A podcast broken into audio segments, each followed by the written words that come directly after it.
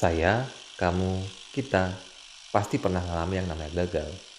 Dan yang gak apa-apa, karena gagal adalah salah satu bagian dari proses bertumbuh dan belajar kita sebagai seorang manusia. Sayangnya, kita sering kali nggak bisa terima kalau kita lagi gagal, dan akhirnya ngelewatin kesempatan untuk bisa belajar. Jadi, mari belajar gagal. Sinia Roma episode 2 mulai. Oke, halo semuanya. Um, ini adalah Sinia Roma episode kedua. Setelah kemarin di episode pertama kita eh bukan kita sih. Setelah kemarin di episode pertama uh, saya ngobrol tentang ikigai dan alasan untuk membuat podcast. Uh, sekarang seperti yang di episode pertama udah dibilang, uh, pengen nyobain ngobrol sama temen tentang hal-hal yang juga jadi keresahan saya um, yang kayaknya sih cukup penting untuk dibicarakan. Um, sekarang tanggal 26 Januari 2020, uh, pekan terakhir di Januari. Um, semoga ini bisa jadi pekan yang baik untuk mengakhiri Januari dan mengawali Februari dengan baik juga. Nah sekarang saya udah bareng sama temen kampus dulu ya sebenarnya di kampus juga nggak terlalu banyak ngobrol sih cuman kenal cukup kenal sekarang cukup sering berinteraksi uh, kenalin ada Yuza halo Za Halo. halo Yuza nama lengkap Nama lengkap? ya Teku Yuza Mulia Pahlevi Caniago. Aja. oh ada Caniagonya Ada gue ada, tapi nggak ditulis di apa namanya nggak tulis di akta sih. oh itu A- Aceh Padang berarti Iya, bokap gue Aceh, nyokap gue Minang. Oh, oke Jadi gue dapet Teku, gue dapet Caniago. wow Double. itu itu tuh dua dua suku yang punya karakteristik cukup kuat kan dua-duanya Ya. Gampang sih orang, oh lu Teku, oh lu Caniago tuh ya orang tahu lah gitu pernah denger. Ya dan dan karakter karakter sukunya cukup kuat dua-duanya kan Eh, kulturnya lah Kulturnya, cukup kuat. Em, kita udah udah lama banget ya mau mau ketemuan gitu. Yo ngajak Yuza ketemuan udah lama banget. Tapi nggak ketemu ketemu sampai akhirnya sekarang ketemu. Tapi buat ngobrolin eh, sesuatu di podcast gitu. Kayak emang sekarang tuh eh, orang butuh alasan buat bikin sesuatu bareng-bareng dulu kan ya sih? Buat buat ketemu. Iya sih ya, Banyak kebanyakan kayak kayak, gitu gitu, emang.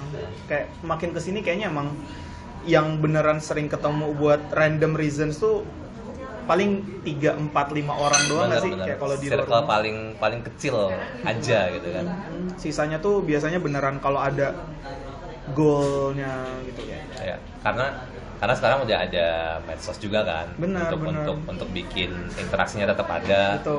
eh, tahu kabarnya ya sedikit banyak lah eh, tahu kabarnya lewat medsos Hmm.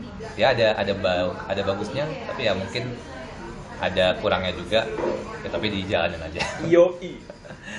Oke, em, di episode sekarang em, saya sama Yuza mau ngobrolin tentang kurang lebih tentang belajar gagal, belajar gagal karena kemarin lo kan eh, share di di eh, Instagram Hmm. ikutan apa 30 hari bercerita. Iya, ya iya, kan? betul. Nah di postingan-postingan awalnya tuh Yuza em, cerita tentang kegagalan eh, Yuza di berbagai aspek. Ada apa ya? Gagal. bikin gol tahun Gagal lalu. gol. Gagal apalagi ya? Gagal berproses. Ada Oke. juga gue cerita kayak gue pengennya instan Hmm. gitu dan Gagal berhenti juga. gagal berhenti juga Gagal gitu. berhenti itu menarik sih. Nah, gagal berhenti. gagal buat tahu kapan harus berhenti kapan harus lanjut ada juga yang kayak kayak gitu kan Iya iya iya. ya kurang lebih kayak gitu Nah, dari dari postingannya Yuza, dari ceritanya Yuza di Instagram, em, saya ngerasa kalau itu adalah satu hal yang belum banyak orang bisa bisa lakukan. Eh, apa namanya? em, bisa nerima kalau dia gagal, bisa nerima bahwa sebenarnya nggak semuanya baik-baik aja gitu. Dan dan belajar dari situ dari kegagalan itu terus terus uh, melakukan sesuatu untuk memperbaiki apa yang udah gagal itu itu bukan satu hal yang banyak orang banyak orang bisa gitu. Nah, dan Yuza bisa ngelakuin itu uh, menurut saya cukup menarik. Saya sendiri waktu terutama waktu ini sih yang kemarin di akhir tahun kan kita pernah banyak orang yang banyak orang yang bikin perjalanan satu dekade kan tahun 2010 ngapain Oh, iya, iya. 2011 ngapain 2012 dan seterusnya ngapain gitu Di Twitter tuh rame ya. di Twitter tapi akhirnya pindah ke Instagram juga Iya. seperti Di- biasa Di jadi screenshot. betul Iya iya. seperti biasa konten yang udah seminggu yang lalu ada di Insta di Twitter, Twitter. seminggu kemudian baru ada di Instagram Iya iya iya. Benar benar benar. ini tan- tanpa merendahkan pengguna Instagram ya cuman emang kenyataannya kayak gitu kan di Twitter duluan baru di Instagram baru di Facebook Oh gitu ya? Iya. Oh gua nggak tahu. Facebook tuh terakhir biasanya. Oh. Udah udah basi sebenarnya. Eh. baru baru rame. di- Tapi yang kemarin ada di Facebook nggak lu tau nggak? Gua nggak lihat sih. Nggak lihat ya? Gua nggak lihat gitu. Kayaknya sih nggak nyampe. Kayaknya nyampe. Gue udah jarang banget buka Facebook. Sama. Nggak pernah bahkan. Nah, Karena tuh nggak nggak penting apa? yang nggak relevan lagi not- aja. Notifikasinya tuh nggak Iya. penting-penting gitu, nggak sang- sangat nggak relevan. Oke, balik ke tadi. Em, waktu waktu ikutan kan kayak biasa ya kalau ada yang rame gitu kita kan pengen ikutan ya. Pengen ikutan bikin gitu. Nah wa- waktu gue bikin yang perjalanan satu dekade itu di tahun-tahun masih kuliah 2010 sampai 2014 gue tuh seneng banget nulisnya. Karena banyak banget pencapaian yang bisa gue tulis di situ gitu Eh, Ya. menyenangkan lah gitu karena gue tahu oh ternyata gue berproses se- segini banyak Hmm. waktu kuliah gitu tapi begitu masuk 2015 waktu lulus sampai tahun terakhir 2019 gue tuh akhirnya nyadar bahwa ah, ternyata gue tuh nggak terlalu banyak berproses ya Hmm. Uh, di situ-situ aja gitu dan bagi gue itu cukup menjadi kegagalan Uh, dan karena karena pencapaian-pencapaian yang udah gue capai di masa-masa kuliah. Dan jauh sebelum itu bahkan dari SD dari kecil dari TK SD SMP SMA gue terbiasa untuk nggak gagal. Mhm. gue terbiasa untuk menyelesaikan segala sesuatunya dengan dengan baik terbiasa diandalkan orang dipercaya orang untuk melakukan banyak hal sampai kuliah gitu. Dan dan itu tuh udah kayak jadi kebiasaan dari gua sehingga ketika gua akhirnya menyadari bahwa gua nggak terlalu banyak berkembang bertumbuh di setelah lulus kuliah gitu. Itu tuh kayak jadi pukulan yang cukup telak gitu dan Ya. dan dan cukup sulit untuk diterima gitu.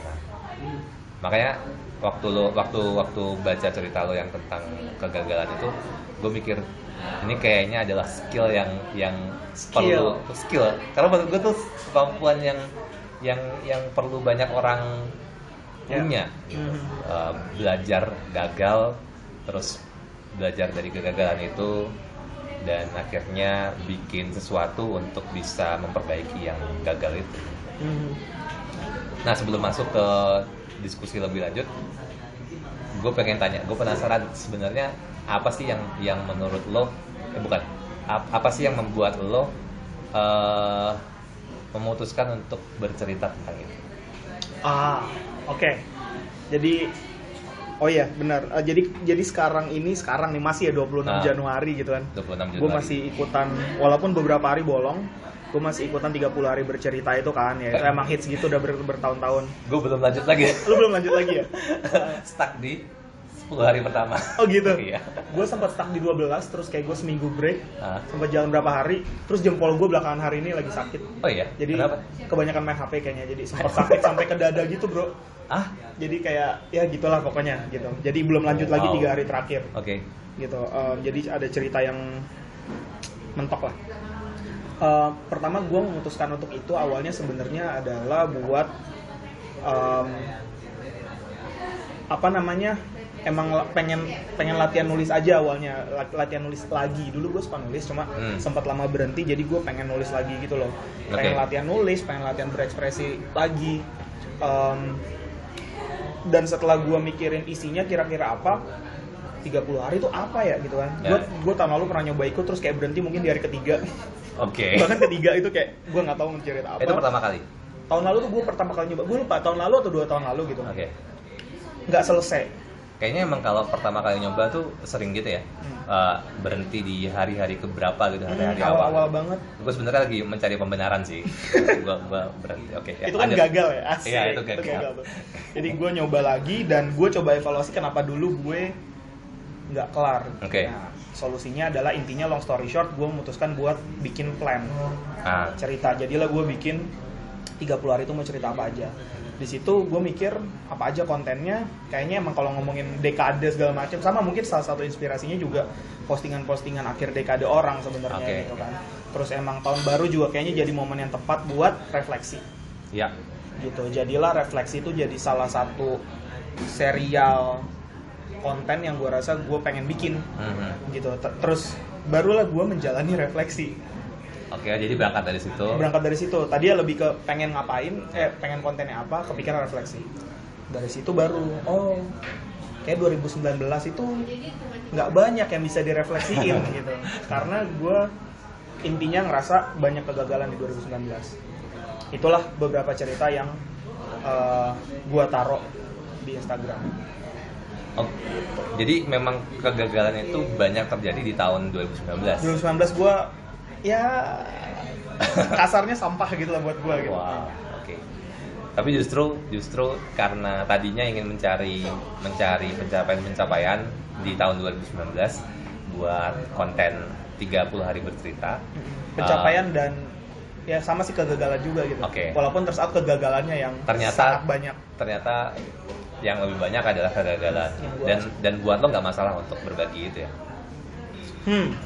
Sekarang gue bisa bilang gak masalah. Tapi to be perfectly honest, sewaktu menuliskan itu tuh, aduh share nggak ya, share nggak ya? Oh gitu iya. kan. Oh bahkan bahkan ketika lo nulis di saat-saat ini juga Oh. sebenarnya ada masih ada perasaan itu ya. Masih. Waktu nulis tuh masih ada perasaan itu. Karena gue takut beberapa hal sih. Ya, of course masih ada takut dijudge, Iya. takut di, takut malah ngebawa efek negatif ke orang.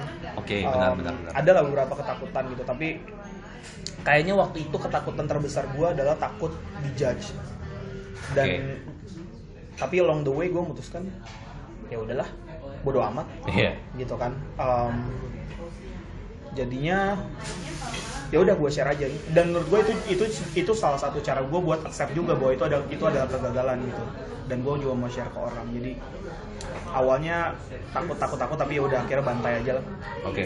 Kalau kalau kalau dari apa dari alasan lo tadi, dari cerita lo tadi kan gue bisa tangkap bahwa cara kita untuk bisa eh, nerima kalau kita tuh sebenarnya gagal terus eh, sampai ke tahapan mau bercerita tentang Hmm. kegagalan itu sendiri itu sebenarnya ya paksa aja gitu Eh, lakuin aja gitu walaupun masih ada rasa-rasa khawatir Hmm. eh, khawatir akan judgement orang Hmm. khawatir bisa ngasih eh, apa efek negatif bahkan ke orang Hmm. itu mungkin akan tetap ditemuin tapi Hmm. ya di dipinggirkan aja gitu kalau menurut gue itu buat gue cocok. Oke. Jadi kayak um, in failures di tahap acceptance itu buat gue coping mechanism yang cocok buat gue adalah dengan berbagi Oke. gitu loh. Karena Oh, oke, gitu oke. kebetulan gue orangnya apa you name it lah extrovert suka bercerita dan lain-lain. Ya.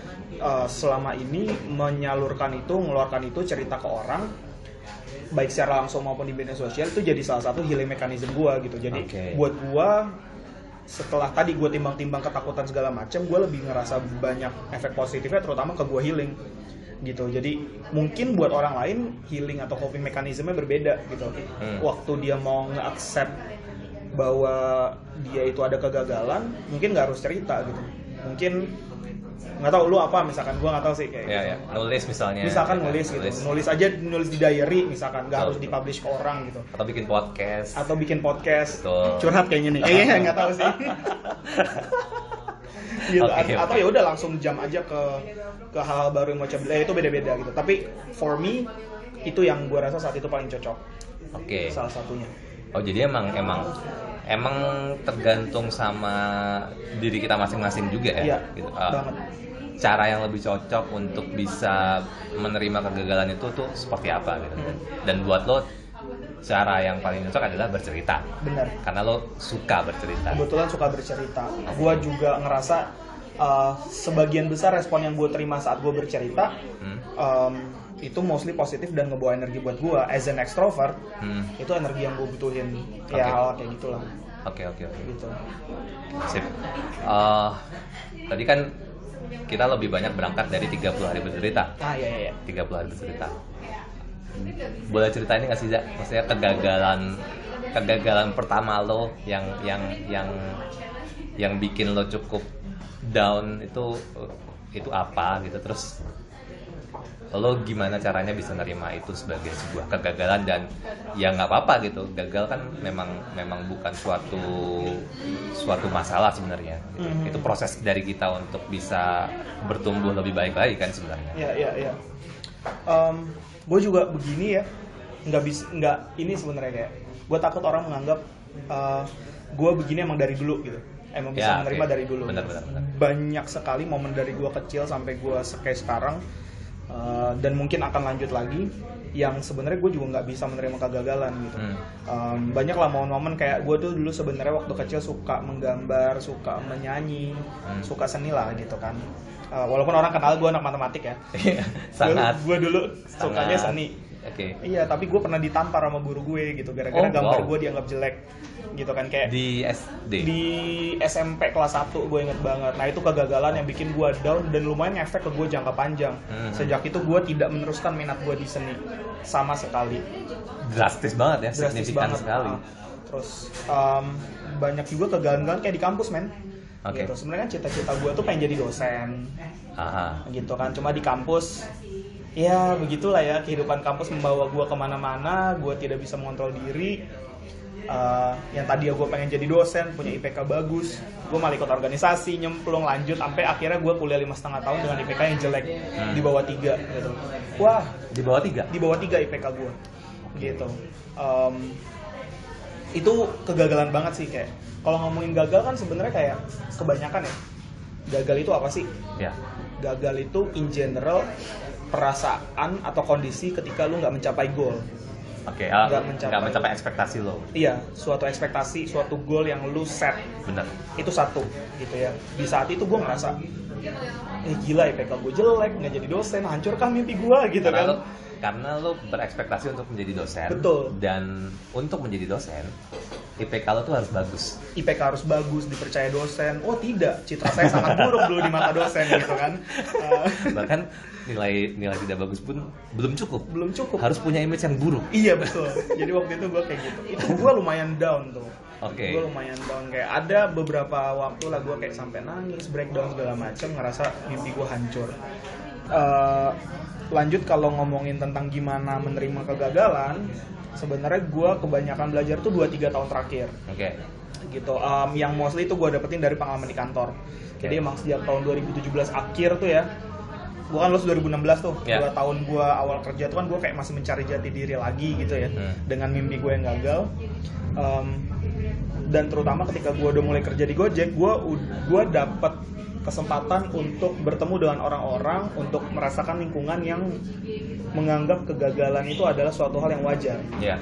Kesalahan itu adalah suatu hal yang ya udah gitu. Malah malah salah itu di encourage oke. Gitu. Eh, contohnya misalnya? Contohnya kalau gua jadi salah satu kerjaan gua adalah mengeksekusi eksperimen atau campaign gitu ya. Oke. Em, eksperimen itu gagal tidak membuahkan hasil ke KPI ke matrix di kantor itu nggak apa-apa nggak gitu. mencapai target? Uh, uh, uh, bu- mungkin bukan nggak mencapai targetnya ya. Uh, itu eksperimen tuh gue lakukan tapi nggak bekerja gitu. Oh nggak bahkan- berhasil. bahkan nggak berhasil ya? Nggak berhasil. Udah nggak apa-apa. Malah justru lu disuruh udah cepat bikin. Nggak berhasil sebanyak banyak yang nggak berhasil. Nanti dari kayak dari 100 mungkin ada satu yang berhasil.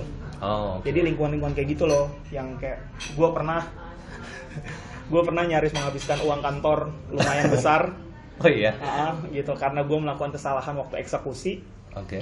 Um, managers gue tuh made me feel safe gitu loh.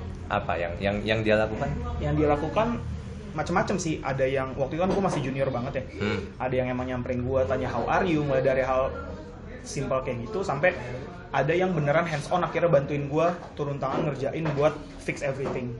Oke. Gitu. Jadi itu tuh membuat gue merasa relatif lebih nyaman aja gitu jadi kayak Berarti emang emang kita tuh butuh supporting system yang cocok ya untuk bisa untuk bisa lebih mudah menerima kegagalan itu. kurang lebih kayak gitu sih Kurang gitu. lebih. gue yakin se apa ya se semenyendiri apa pun lo tipe orangnya gitu Hmm. ya lo tetap butuh supporting system sih Benar-benar.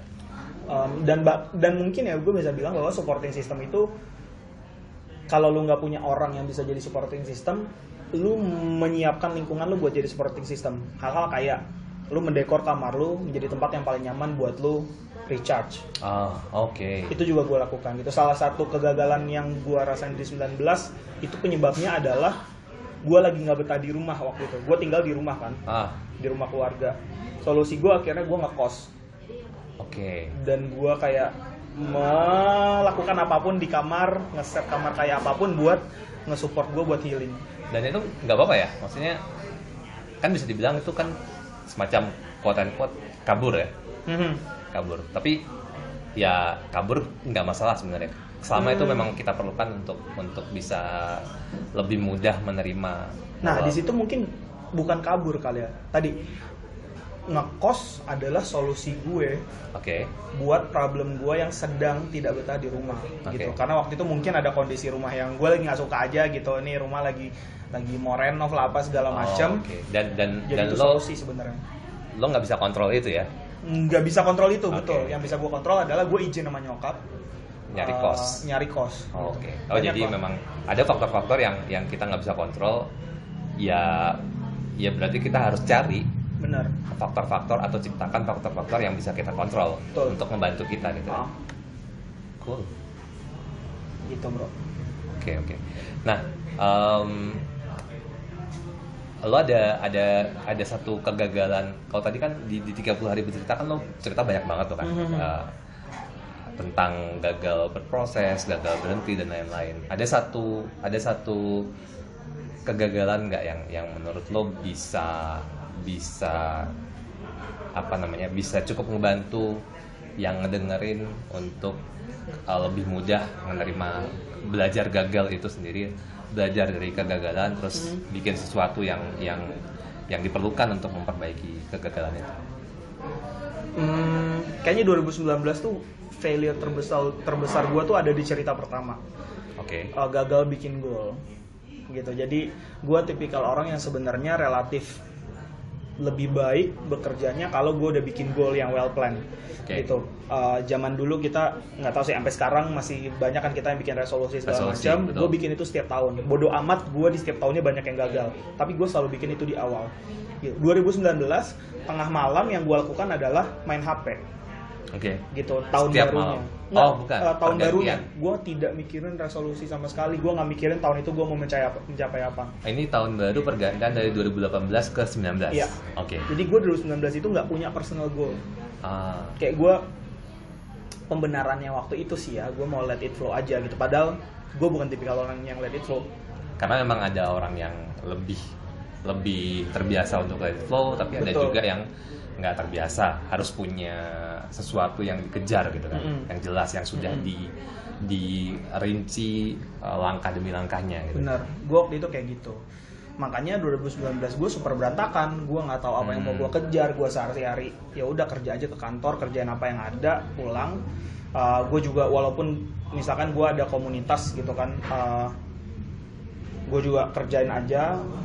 Bahkan banyak juga yang gue tinggalin yang gitu-gitu kan itu buat lumayan berantakan sih. Nah itu jadi refleksi gue di 2000 masuk 2020 Hmm. So yang gue lakukan pertama adalah selama refleksi gue beneran menerima penuh bahwa gue kemarin gagal ngeset goal dan gue tuh harusnya tuh orang yang tipikal well plan oke. gue gitu. Jadi yang gue coba lakukan adalah oke gue bikin resolusi apa ya?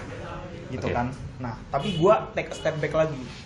Take step back? Uh, lebih take a step deeper oke oke mungkin gue mau bikin resolusi tapi selama ini resolusi gue juga sering gagal sih nah itu dia tadi kan lo bilang kan uh, 2019 cukup berantakan karena lo nggak punya uh, apa goals Iya. lo nggak ngeset goals dari awal gitu Uh. padahal kan tadi juga lo bilang resolusi juga suka gagal resolusi juga sering gagal Betul. gitu kan.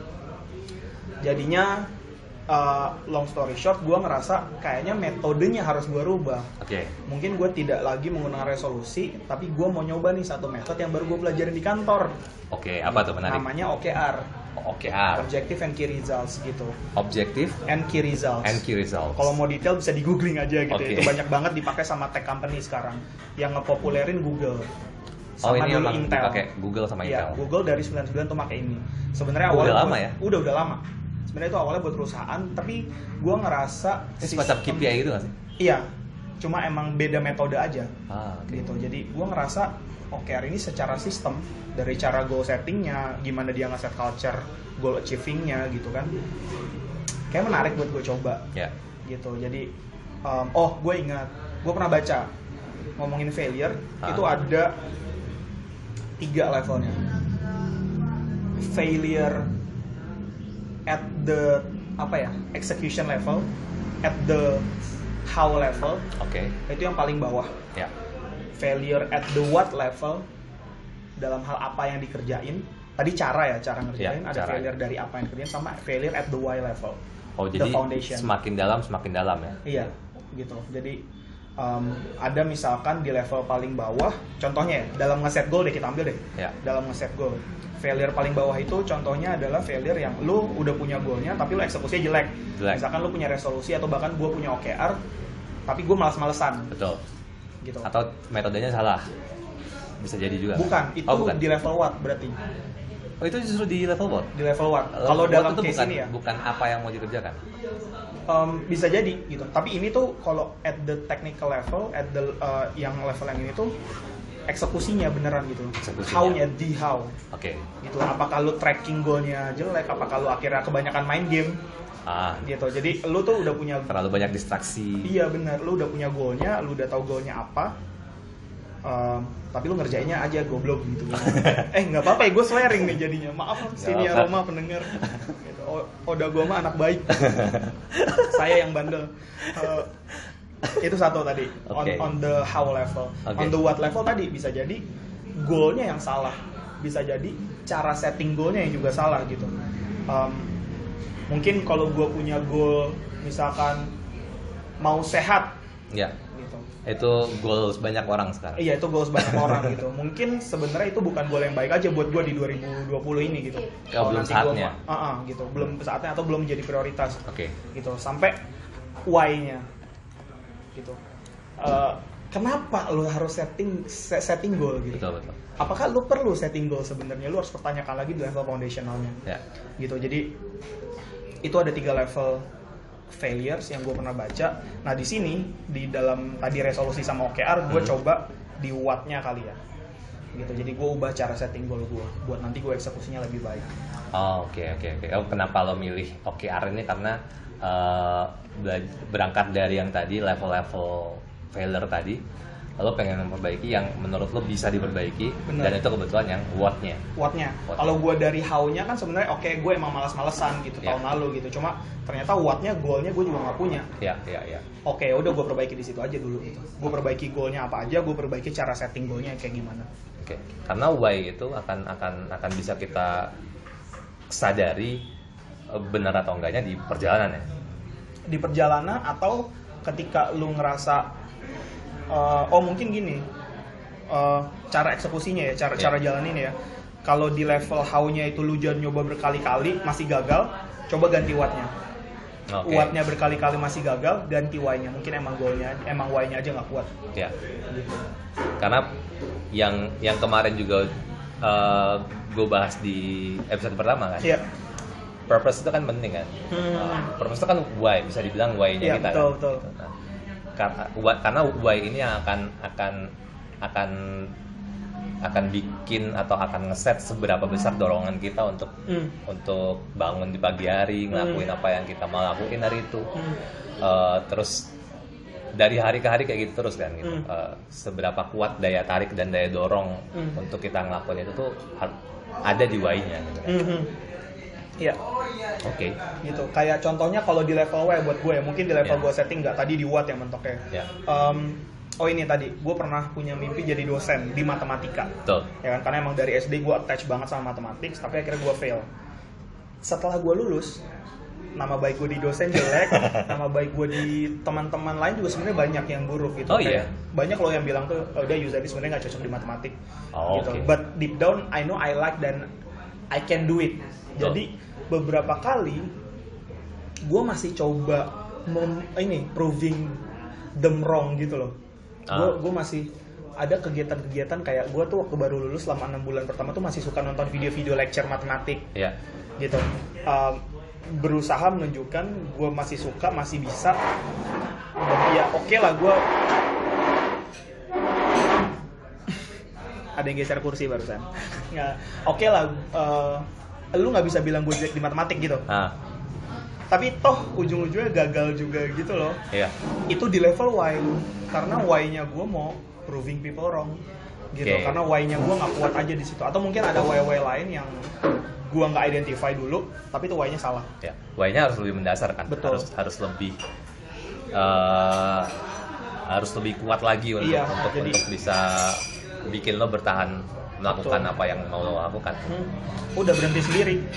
Gue mencari why yang lain buat hidup gue sehari-hari. Dan sekarang di di di matematika lo kan tetap masih aktif nih ya bikin ngotik dan lain-lain Ah. ngobrol matematika by the way konteksnya ya tadi. Ada eh, jadi Yuza nih sedang bikin atau sudah bikin sama teman-teman di matematikanya Ya. sebuah apa sih komunitas atau apa sih? Komunitas, komunitas ya? media. Ko- oke. Komunitas atau media yang ngobrolin matematika dengan cara yang lebih eh, fun gitu kan dan engaging ya gitulah pokoknya Ya. Uh, ya Nah itu kan berat, eh, itu kan bukti bahwa lo sebenarnya masih tertarik Hmm. sama matematika dan masih berkecimpung di matematika. gitu. Walaupun mungkin dengan cara yang nggak konvensional, Betul, gitu kan, betul. nggak nggak nggak umum gitu.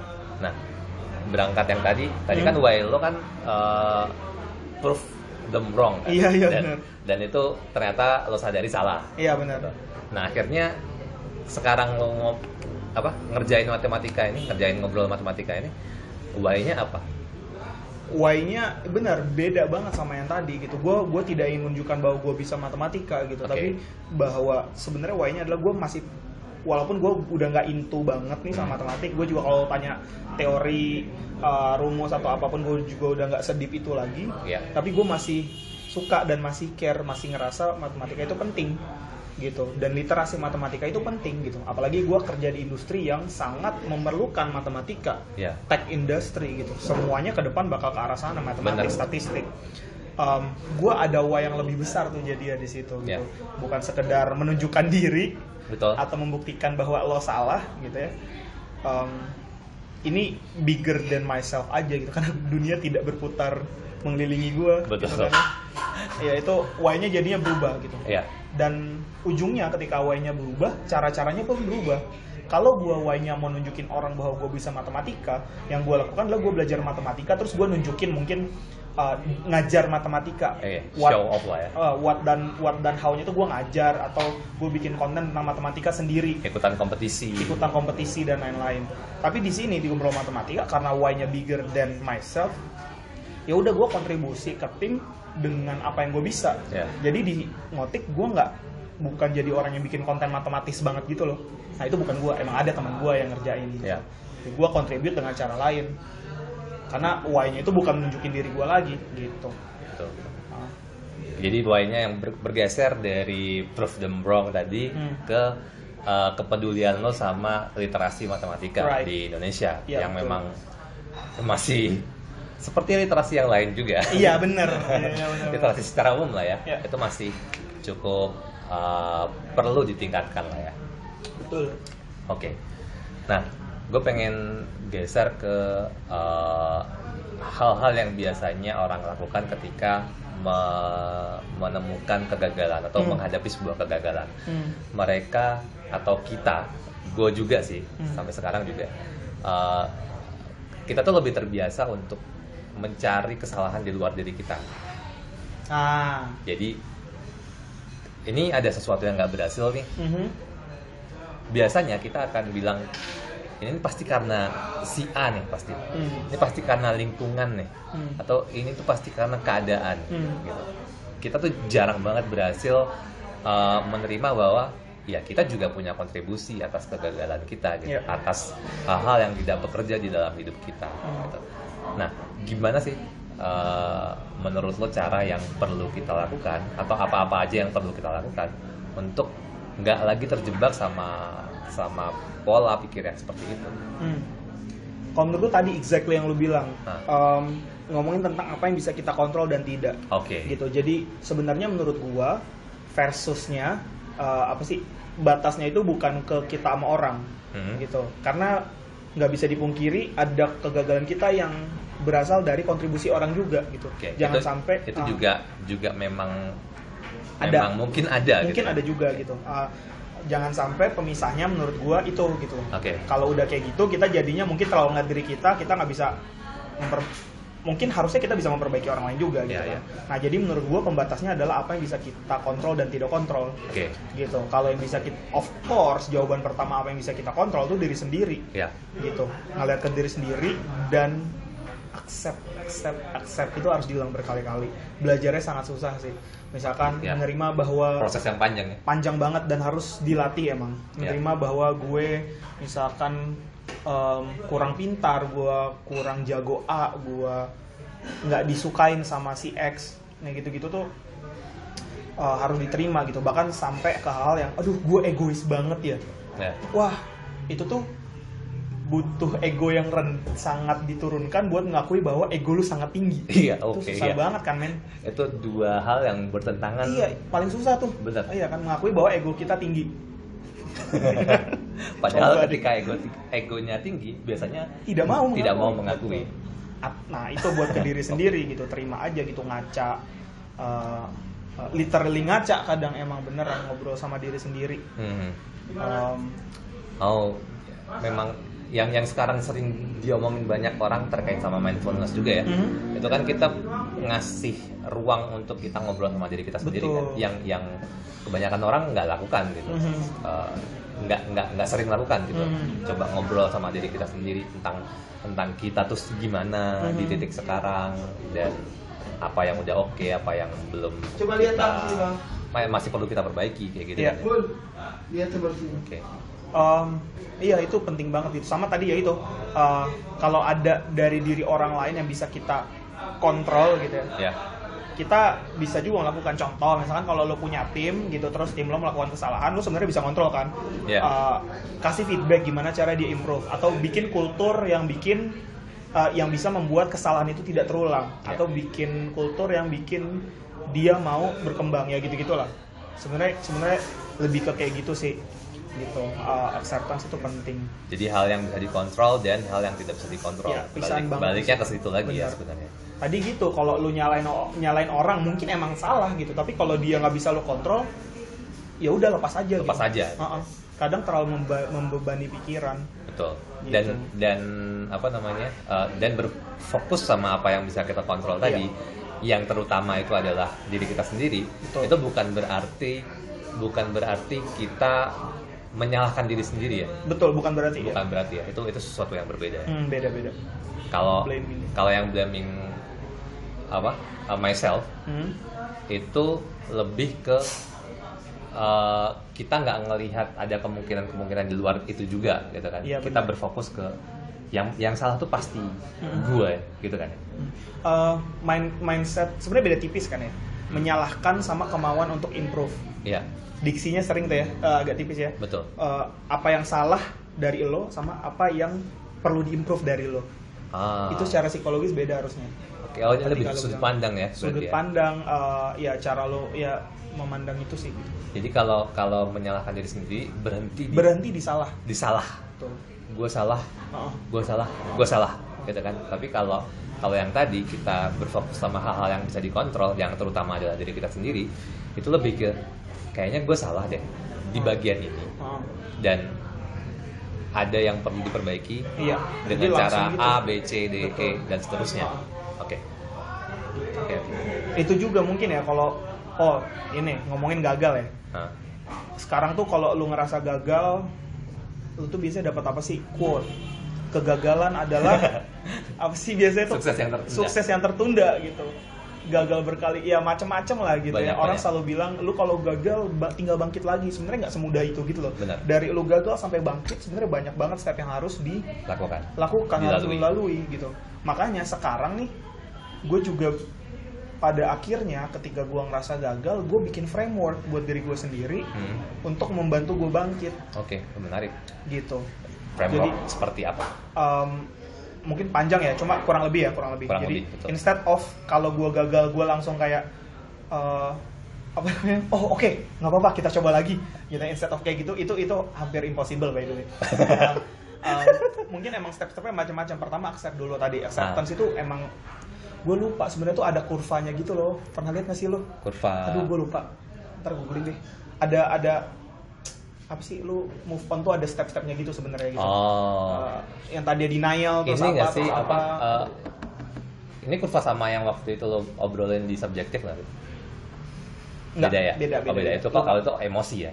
Iya. Kalau itu emosi. Ah, kalau ini lebih ntar ke- googling ya kalau ada yang tahu juga me- uh, komen di IG-nya. Goma oke. Uh, Oke, tapi kurang lebih kalau framework di gua ya udah tadi acceptance, terus gua kebetulan di kan, gua juga banyak sih pakai skill-skill yang gua dapat di kantor. di ya. kantor Gua gua coba semacam root cause analysis, cari problemnya sebenarnya ada di mana. hmm. Jadi kalau gue udah accept, gue cari problemnya ada di mana gitu. Ya. Kayak gue accept 2019 gue gagal, banyak nggak improve. Ya. Problemnya di mana sih? Ternyata root cause-nya adalah gue tidak set goal ya gitu. Oh, Nah dari itu, itu didapatkan dari uh, metode yang tadi gitu ya iya gitu, gue gua melakukan hal-hal kayak gitu gitu. Jadi problem statement-nya adalah gue tidak ngeset goal. oke Solusinya apa?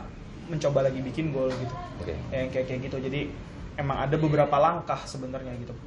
Eh, apa cari root cause baru coba bikin solusi dan bereksperimen sebenarnya menurut gue ah mindsetnya Ja- jadi em, jangan harap bukan jangan harap sangat kecil kemungkinannya di percobaan solusi lo yang pertama lo tuh berhasil. Betul.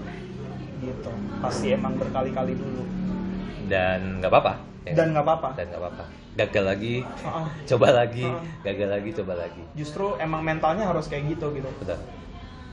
Gitu jadi tapi mungkin uh, percobaan itu juga harus di, di sering sering direnungkan lagi gitu kan. Mm-mm. harus seberapa jauh uh, gua mau coba oh dan gagal gitu kan ya. Heeh. menarik tuh tadi. Kita ngomongin eksperimen kan ya. Eksperimen kan kalau gagal iterasi ulang ya dari awal ya. Lu Ya. problem solving lagi lu coba ngide solusi lagi baru actually ngelaksanain. Iterasi Ya. berkali-kali gitu kan. Bener eh, pernyataan lu barusan sering dipertanyakan sama orang. Sejauh apa sih kita harus mencoba kalau kita gagal? Benar. Ya. Karena kalau misalnya kan ada kemungkinan juga memang ya itu bukan buat kita juga Betul. ya kan ada kemungkinan Hmm. di situ kan jadi kemampuan untuk menyadari seberapa jauh kita harus mencoba itu penting juga kan Penting untuk juga. di- dipelajari Ah. dan gua dan gua rasa sejauh ini dengan mengikuti framework tadi eh, cari cari masalahnya apa, ngide solusi, jalanin dan ulang lagi, itu rasanya cukup bisa ngebantu gue buat tahu kapan berhenti. Pertanyaan emang gitu, Ah. kapan sih kita harus berhenti? Iya, iya. Gitu ya. So, ada riset yang bilang sebenarnya antara orang sukses sama orang yang gak sukses Hmm? itu tuh tipis. nggak ada iya nggak ada batasan lu coba berapa kali gitu loh. Dan kalau di rata-rata malah percobaannya tuh sama gitu. Jadi kalau ambil rata-rata misalkan orang sukses tuh sebenarnya 10 kali nyoba orang gagal juga 10 kali nyoba. Oke. Banyak asumsi yang bilang mungkin orang yang gagal tuh 10 kali coba doang. Iya. Orang sukses tuh 100 kali nyoba. Tidak begitu kenyataannya gitu. Ternyata elemen yang paling penting buat nentuin lu akhirnya sukses atau enggak adalah work smart tadi bukan Ah. tentang seberapa kerasnya lu oke berusaha tapi Bukan- bukan berapa kalinya tapi seberapa smartnya lu iya mencobanya gitu. Iya, iya, iya. Jadi kalau gagal beneran identify dalam-dalam dulu gagalnya kenapa. us- usaha untuk bisa mempelajari itu itu yang harus ditingkatkan gitu kan. Betul. Jadi nggak cuma sekedar gagal, coba lagi, gagal, Coba coba, lagi. lagi. gitu. Tapi ada pola yang harus Oke, uh, menarik, lu ubah menarik, terus-terusan. menarik, Gitu. Betul, jadi itu Iya nggak memang sih?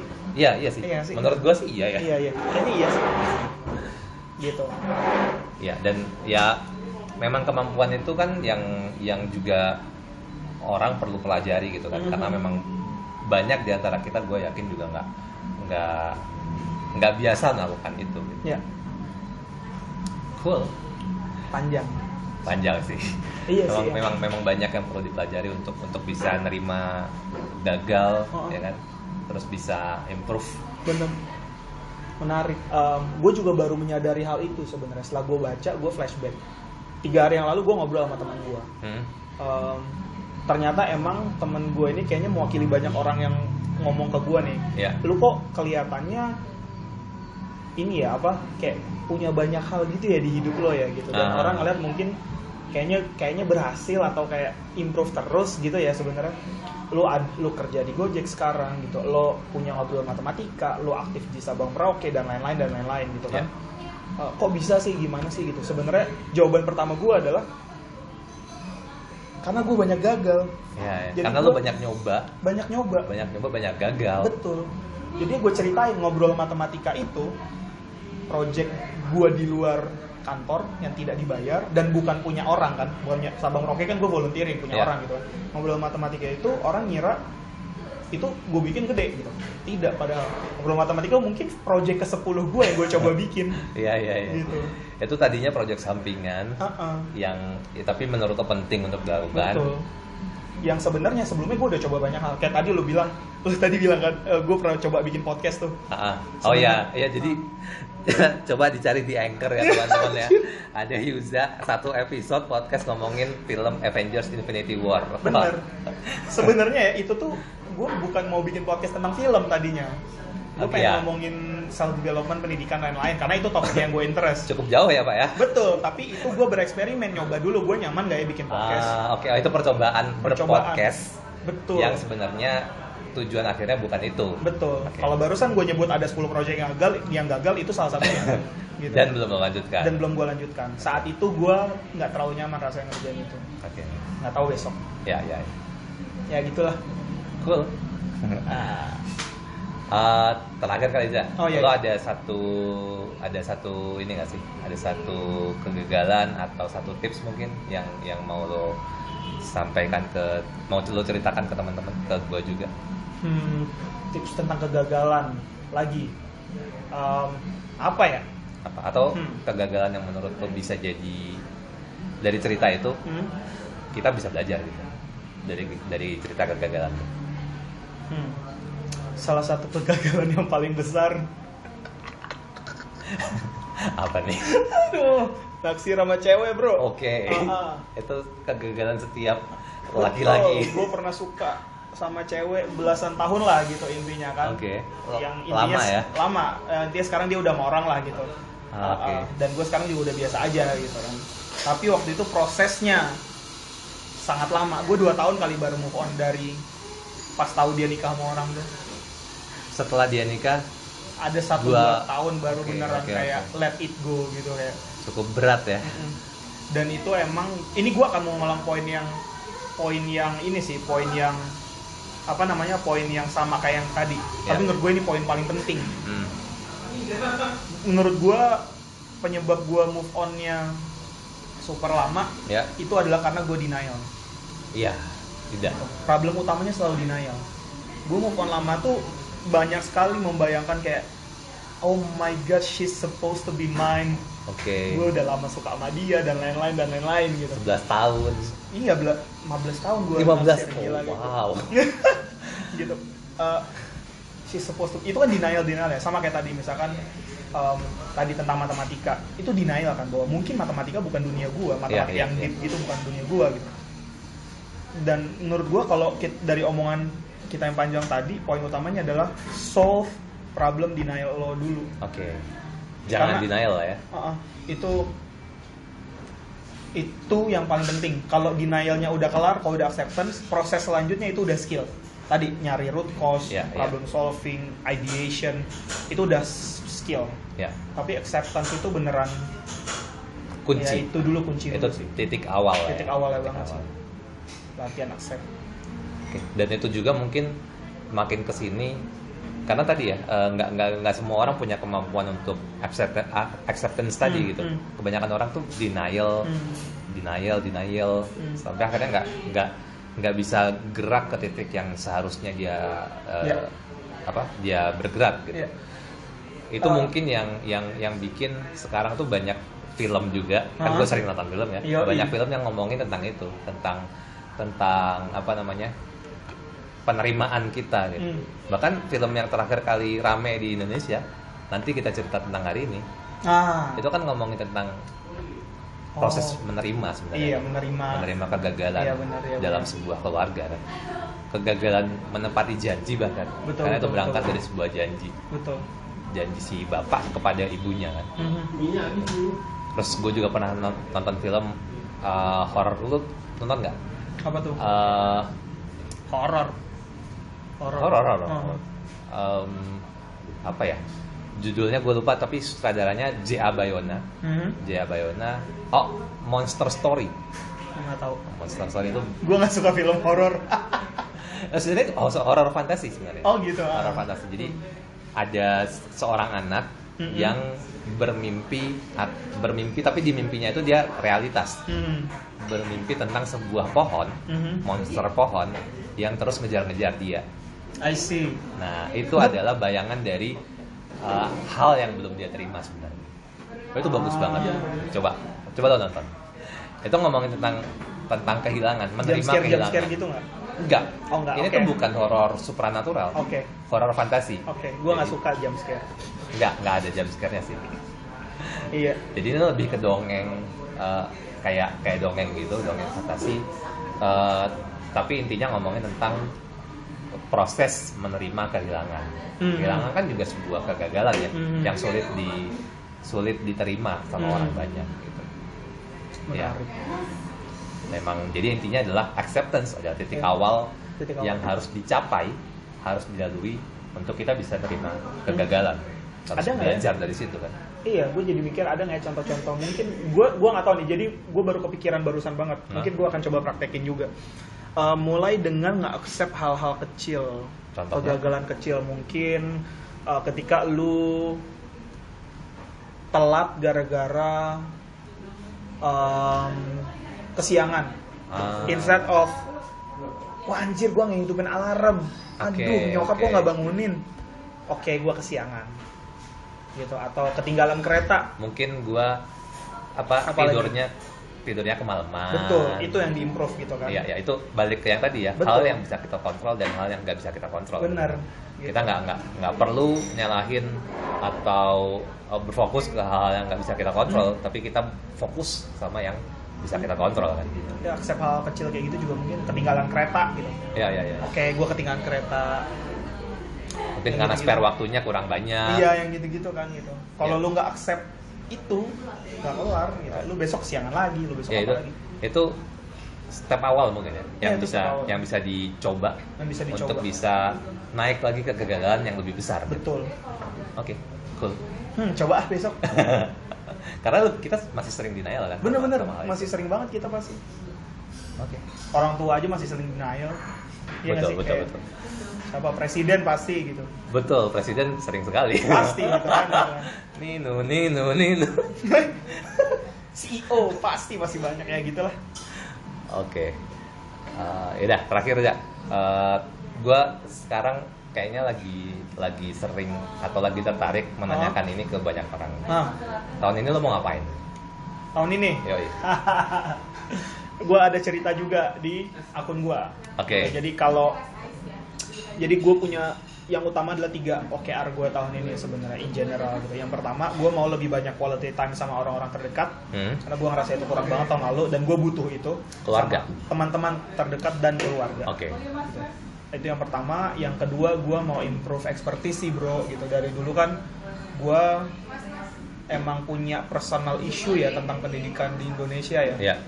Ya di lingkungan terdekat lah atau maupun di yang skala besar jadi dan gue udah coba beberapa sampingan selama ini buat nge-improve diri gue di sana gitu tapi emang tahun ini insya Allah akan ada kesempatan buat gue bekerja full time buat Oke. nyari tahu problem-problem pendidikan di Indonesia buat menjadi lebih paham gitu iya, improving my expertise di industri itulah gitu Ya.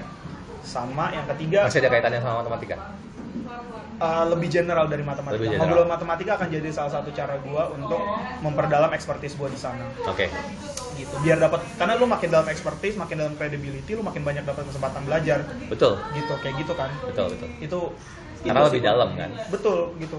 Lebih dalam um, itu sih kurang lebih sama. Yang ketiga tadi OKR. Financial stability. Amin. Cukup sampai di situ saja. Oke, good luck berarti Za. Thank you, bro. Uh, makasih udah mau ngobrol-ngobrol di episode My kedua. Sini Aroma. Uh, semoga nanti kita bisa ketemu lagi. Yes. Um, entah ngobrolin ngobrol sesuatu lagi di podcast atau ada project-project bareng lagi mungkin kita setelah kemarin-kemarin ada beberapa kesempatan buat kerja bareng juga. Uh, nunggu nunggu ini nggak nunggu, Iluni. pil, pilkada atau pilpres lagi ya? iya biasanya kita ketemu tuh Iluni, Iluni. iya iluni Iluni. kalau nggak pilkada sempat Betul. subgrup kayak gitu gitu ketemu di pemilihan mulu emang pemilihan udah mulu tim ses tim ses teman teman kampanye oke Oke. Uh, oh kalau kalau kalau orang mau ngobrol sama lo bisa ditemuin di mana kalau mau ngobrol boleh ke Instagram @yuzamulia atau email email ah, at taukuyuzamulia at gmail.com at gmail.com ya ada kok di Instagram aja dulu. Banyak kontak gue di situ. Oke.